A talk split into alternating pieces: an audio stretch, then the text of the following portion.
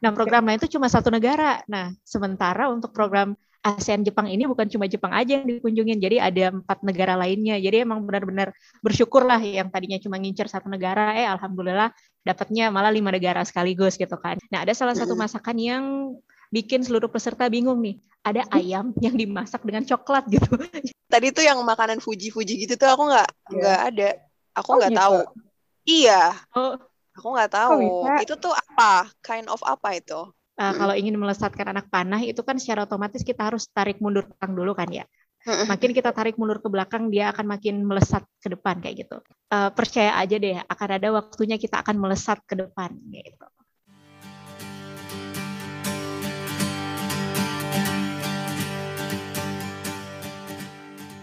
Halo, halo, hai, hai. Welcome back to our podcast, listeners. Here we are, trying to serve you a purpose. Oke, okay. Sekarang kita sudah masuk di sesi live talk. Ini live talk yang pertama ya. Jadi kita ngundang dan ngajak seseorang nih untuk kemudian bisa sharing banyak hal tentang kehidupannya dia dan juga pengalamannya dia. Nanti kita akan kemudian juga eksplorasi apa aja sih kegiatannya gitu dan juga hal-hal yang kemudian bisa jadi suatu pembelajaran gitu dalam hidup ketika dia juga bisa nge-coping uh, aktivitasnya itu gitu loh. So, siapakah dia? Jadi namanya itu adalah Kak Anita Reski atau biasa disapa dengan sapaan Kak Kiki. Sebelum menyapa Kak Kiki ya, uh, aku ingin memperkenalkan dulu. Jadi Kak Kiki sekarang itu adalah salah seorang dosen di IIN. Kemudian dia juga adalah salah seorang founder dari Rules Foundation. Buat teman-teman yang kepo terkait dengan Rules Foundation, nanti boleh cek langsung aja di Instagramnya. Kemudian Kak Kiki adalah salah seorang alumni juga dari PCMI Pertukaran Pemuda Jepang ASEAN dan saat ini juga aktif mengajar di BIPA KBRI New Delhi India. Dan ada satu lagi Kak Kiki merupakan Ketua Divisi Rekrutmen dan Inventaris dari kelas Inspirasi Kendari. Langsung kita sapa oh, aja.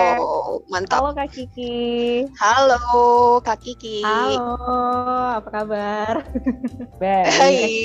Jadi baik nih. Iya. Iya. Iya, alhamdulillah baik. Alhamdulillah. Okay. Gimana Kak? Di sana aman kah aktivitas dan yang lain sebagainya? Alhamdulillah sejauh ini sih ya emang ada PPKM sih dari pemerintah ya. Jadi untuk apa ya khususnya di kampus nih ini masih sementara PPKM, jadi emang 25% WFO, 75% persen WFH. Nah, kebetulan ini kebagian yang WFO-nya nih. WFO. Jadi ini langsung dari kampus nih, langsung dari kampus. Oh, mantap. Jadi hari ini kita ada di sesi live talk dan kita ingin Kak Kiki berbagi pengalaman terkait dengan kehidupan ya barangkali Kak Kiki. Jadi ada beberapa pertanyaan nih Kak. Kakak kan sebelumnya pernah ya jadi anggota PCMI atau kemudian mengikuti pertukaran pemuda Jepang ASEAN sebelumnya di tahun 2013 ya Kak kalau nggak salah. Ya benar banget. Uh, oh 2013 kemarin itu pas masih semester 6 ya masih kuliah gitu. Jadi oh, yeah. ikut uh, ikut-ikut pertukaran. Biasanya ikut-ikut teman lah. Oke. Okay. Ini apa modal ya? ikut-ikutan lolos gitu ya. Modal-modal ikut-ikutan teman ya. Yeah. Ikut seleksi udah lama ya, udah berapa tahun tapi oh. alhamdulillah rezekinya emang di tahun 2013. Jadi ikut hmm. pertukaran Uh, kebetulan nama programnya itu saya Chief for Southeast Asian and Japanese Youth Program. Jadi program pertukaran antara pemuda ASEAN dan Jepang. Oh, Boleh okay. berbagi nggak kak? Kalau selama Kak Kiki kemarin jadi peserta pertukaran pemuda PCMI, apa sih kak kesan paling mendalam yang kemudian sampai hari ini tuh belum Kak Kiki lupakan?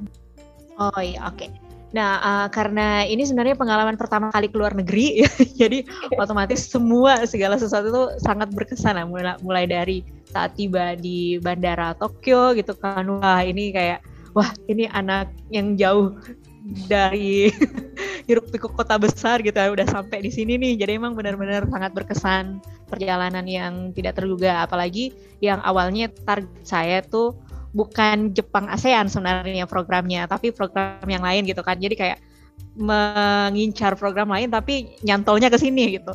Nah, program lain itu cuma satu negara. Nah, sementara untuk program ASEAN Jepang ini bukan cuma Jepang aja yang dikunjungin, jadi ada empat negara lainnya. Jadi emang benar-benar bersyukur lah yang tadinya cuma ngincer satu negara, eh alhamdulillah dapatnya malah lima negara sekaligus gitu kan. Jadi usaha selama empat tahun gagal gitu. Jadi benar, terbayarkan benar sudah. Iya jadi itu emang benar-benar sangat berkesan programnya sangat berkesan.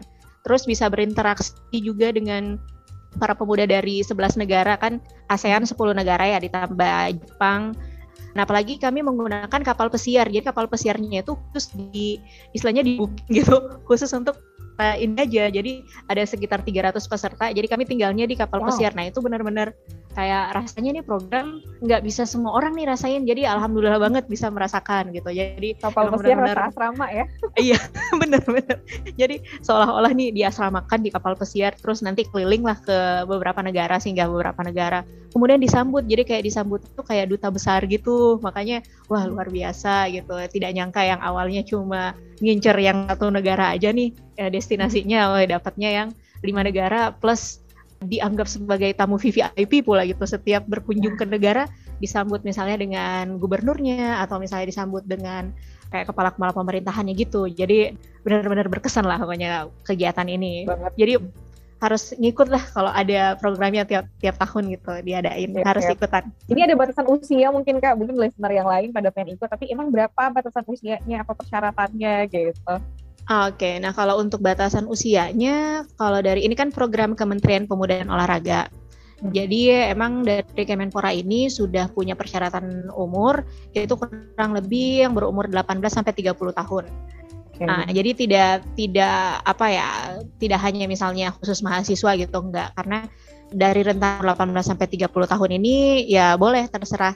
Dan emang programnya bukan cuma yang ke Jepang aja, banyak program yang lain kayak hmm. misalnya ke Korea Selatan, ke Kanada, ke Australia, ke India juga ada, ke Malaysia, uh, ke Singapura juga ada, pokoknya banyak banget. Nah itu rentannya uh, secara umum 18 sampai 2, uh, 30 tahun. Oh ya kalau siap sendiri sorry kalau siap 20 sampai 30 sih. Tapi oh. program yang lain bisa mulai dari 18 tahun kok. Khusus siap yang 20 tahun ya kak ya? Iya 20 sampai 30 tahun. Terus yang paling hmm. berkesan apa nih kak? Yang apa namanya? Apakah mungkin ada yang lucu atau ada yang unik gitu pengalamannya pas jadi peserta pertukaran pemuda Jepang ASEAN kemarin? Oh iya, karena kan di setiap negara itu kami istilahnya ada homestay juga.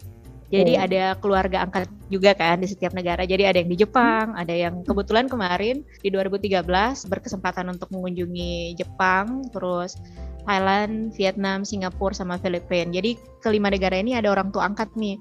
Nah, kami cuma tinggalnya tiga atau empat hari doang di rumah di rumah mereka gitu. Tapi ketika kami mau berpisah itu nangis-nangisan kayak udah keluarga lama gitu kan. Padahal yeah. ini iya. kita baru ketemu tiga empat hari tapi mau berpisah kayak nangis gitu nggak nangis bombay karena iya, mungkin yeah, iya. yeah. nggak uh, tahu kapan akan bertemu lagi gitu. Jadi emang benar-benar merasakan kehangatan di keluarga meskipun kita baru ketemu sekitar tiga atau empat hari. Terus ada juga sih pengalaman unik di kapal itu tiap hari itu kulinernya atau masakan-masakan itu berbeda ya. Nah, ada salah satu masakan yang bikin seluruh peserta bingung nih. Ada ayam yang dimasak dengan coklat gitu. Jadi loh, oh, gimana rasanya ya? Jadi ada yang itu ayam coklat. Iya benar. Iya. Tapi coklatnya itu bukan coklat yang kental, jadi kayak saus oh. uh, apa ya, oh. kuah coklat gitu. Ini ayam cok gimana rasanya nggak ada yang berani nyoba juga soalnya takut rasanya aneh gitu oh ya sama kalau misalnya pas dapat makanan Indonesia misalnya nasi goreng atau ada ikan asin, wih langsung senang gitu, langsung terharu. Karena berasa kayak di rumah tapi kapal yeah. nih. Kaki itu Indonesia banget lah ya kalau untuk masalah taste. taste food. Iya benar-benar. Tapi kalau misalnya aku tebak, uh, Kak Kiki sendiri sebenarnya kayaknya orangnya emang suka kayak traveling kayak gitu ya dan iya, bener. coba untuk openness to experience juga kayak gitu ya jadi kayak aku nggak tahu sih apakah kaki kini punya kayak semacam interest sama Jepang gitu sehingga kemudian ikut si program ini atau cuman kayak model emang pengen sharing cultures aja gitu loh sama orang-orang di di ASEAN sama Jepang. Ya, kalau untuk interest ke Jepang sebenarnya udah dari dari kecil sih sebenarnya. Yang lucunya juga ini ya. Dulu kan uh, zaman kecil kita uh, entah nemuin kayaknya ada snack nih namanya Fuji. Pernah dapat okay, ya? Bener. Pernah dong. Iya kan? Iya pernah kan? itu kayaknya zaman SD apa gimana gitu. Nah ingetnya kayak gitu. Uh, terus kalau nggak salah apa ya entah ada gambar Gunung Fuji lah atau dari namanya gitu kan. Jadi kayak penasaran wah kayaknya mesti ke sini nih suatu hari nanti kayak gitu ngedung nge, apa ya bergumam dalam hati gitu kan. Wah pas nyampe di Jepang emang benar-benar lihat Gunung Fuji secara langsung gitu. Jadi kayak wah ternyata uh, dream comes true. Iya. Jadi emang terus emang suka juga dengan kayak apa ya oh saya kan seneng komik ya. Dan kebanyakan oh. emang suka komik-komik Jepang bacanya komik-komik Jepang. Ya emang udah ada interest lama sama Jepang sih dari sejak kecil. Oke okay, oke okay, oke. Okay. Tadi tuh yang makanan Fuji-Fuji gitu tuh aku nggak iya. nggak yeah. ada. Aku oh, nggak oh, gitu? tahu. Iya. Oh. Aku nggak tahu. Oh, itu tuh apa? Kind of apa itu? Tahu itu kayak tuh kerupuk di, kerupuk gitu loh. Iya, oh, itu kerupuk. kayak snack uh, kayak Ta kerupuk ya. gitu. Iya, snack. Oh, I gitu. see. I know, Sejenis I know. taruh-taruhan zaman yeah, dulu yeah, lah. Yeah, yeah. Ya, yeah, benar. Yeah. I remember that. I Teman-temannya Ajisan, teman-temannya. Iya. Ya, Ini kayaknya kita ngobrolin Ajisan sama Fuji ketahuan banget kita angkatan berapa ya guys ya? An anak generasi mana nih? iya, generasi milenial uh -huh. yang pasti masih ya. Kak Kiki, jadi kan Kak Kiki tuh sibuk ini ya, sibuk ngurusin rules juga, sibuk juga ngurusin yeah, kelas inspirasi gitu. Dan I'm pretty sure kalau misalnya membangun rules dari nol banget itu tentu bukan perkara yang mudah gitu kak. Nah, boleh sharing yeah. sedikit nggak? Kira-kira kakak dalam proses menggapai mimpi-mimpi, entah itu misalnya kakak yang kemudian kemarin fight buat bisa ikut pertukaran pemuda Jepang sama ASEAN itu, atau misalnya dalam hal membangun rules dan juga kemudian mengembangkan kelas inspirasi bareng teman-teman pengurus dari kelas inspirasi gitu. Pernah nggak kakak ngerasa kayak down terus kayak kehilangan coverage kayak gitu kak. Terus gimana kakak bisa menyelesaikan problem itu dan bisa mengembalikan coverage kakak untuk kemudian keep fight dan kemudian berjuang lagi gitu?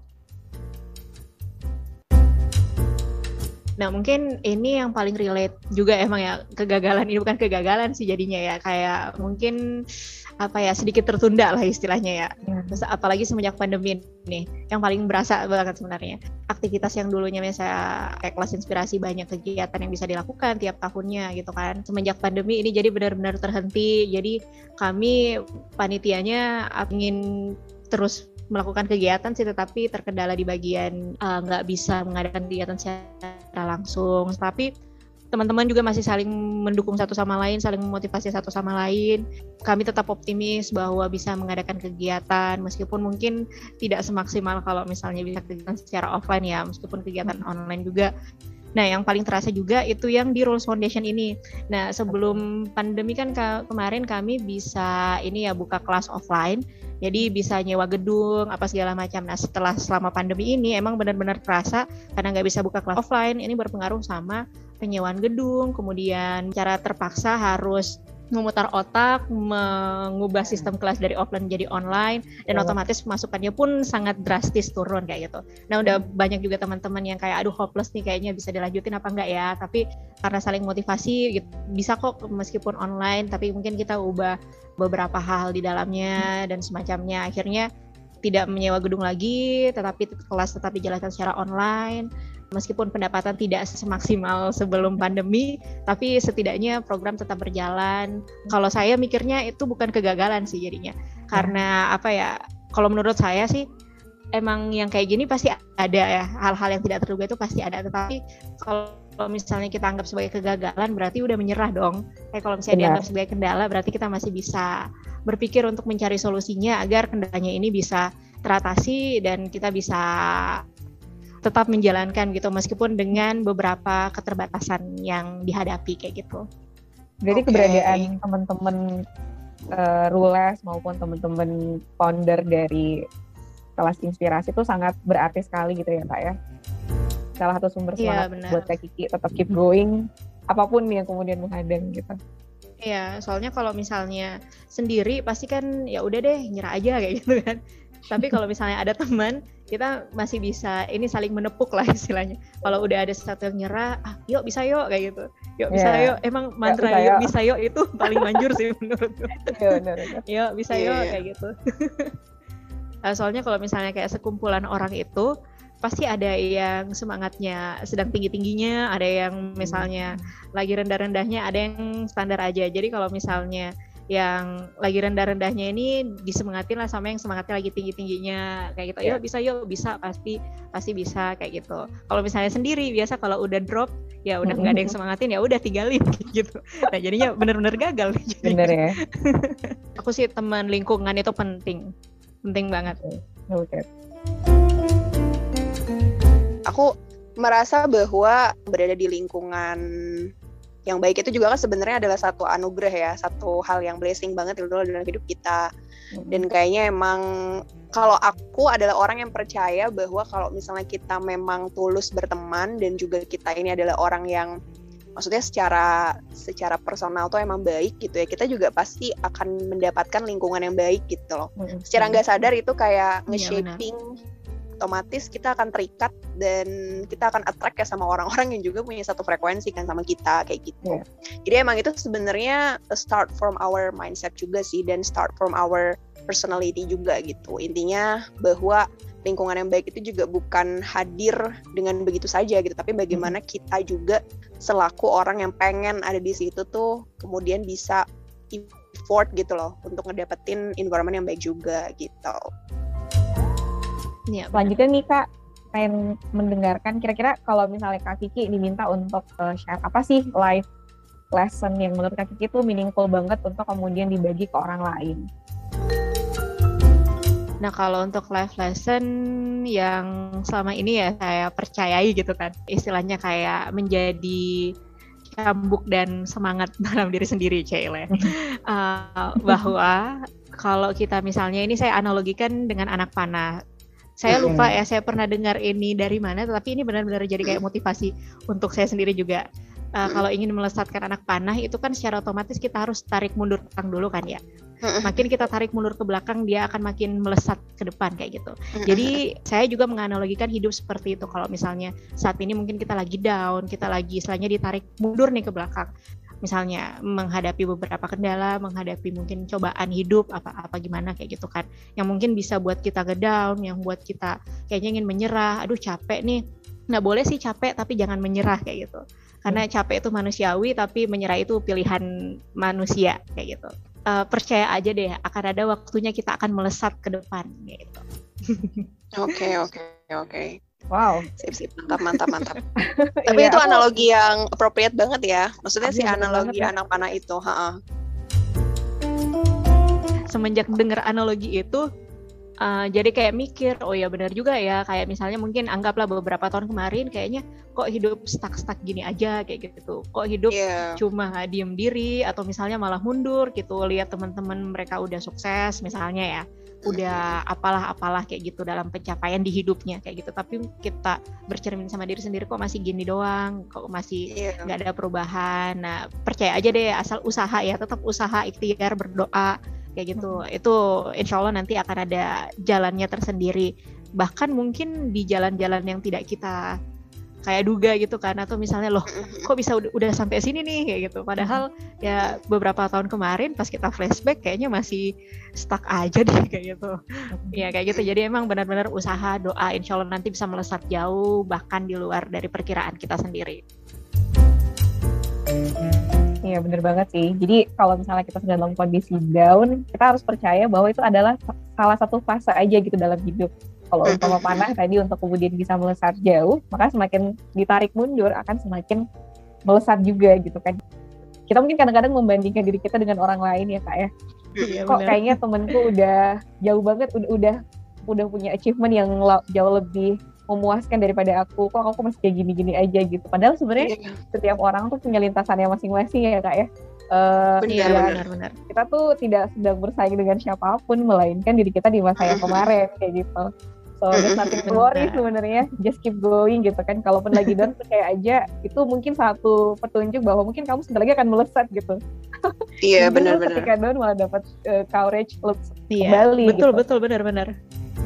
Iya, intinya semua orang berkembang dengan prosesnya gitu ya. Jadi emang Mhm. kita harus stop sih untuk comparing diri kita sama orang lain. Iya.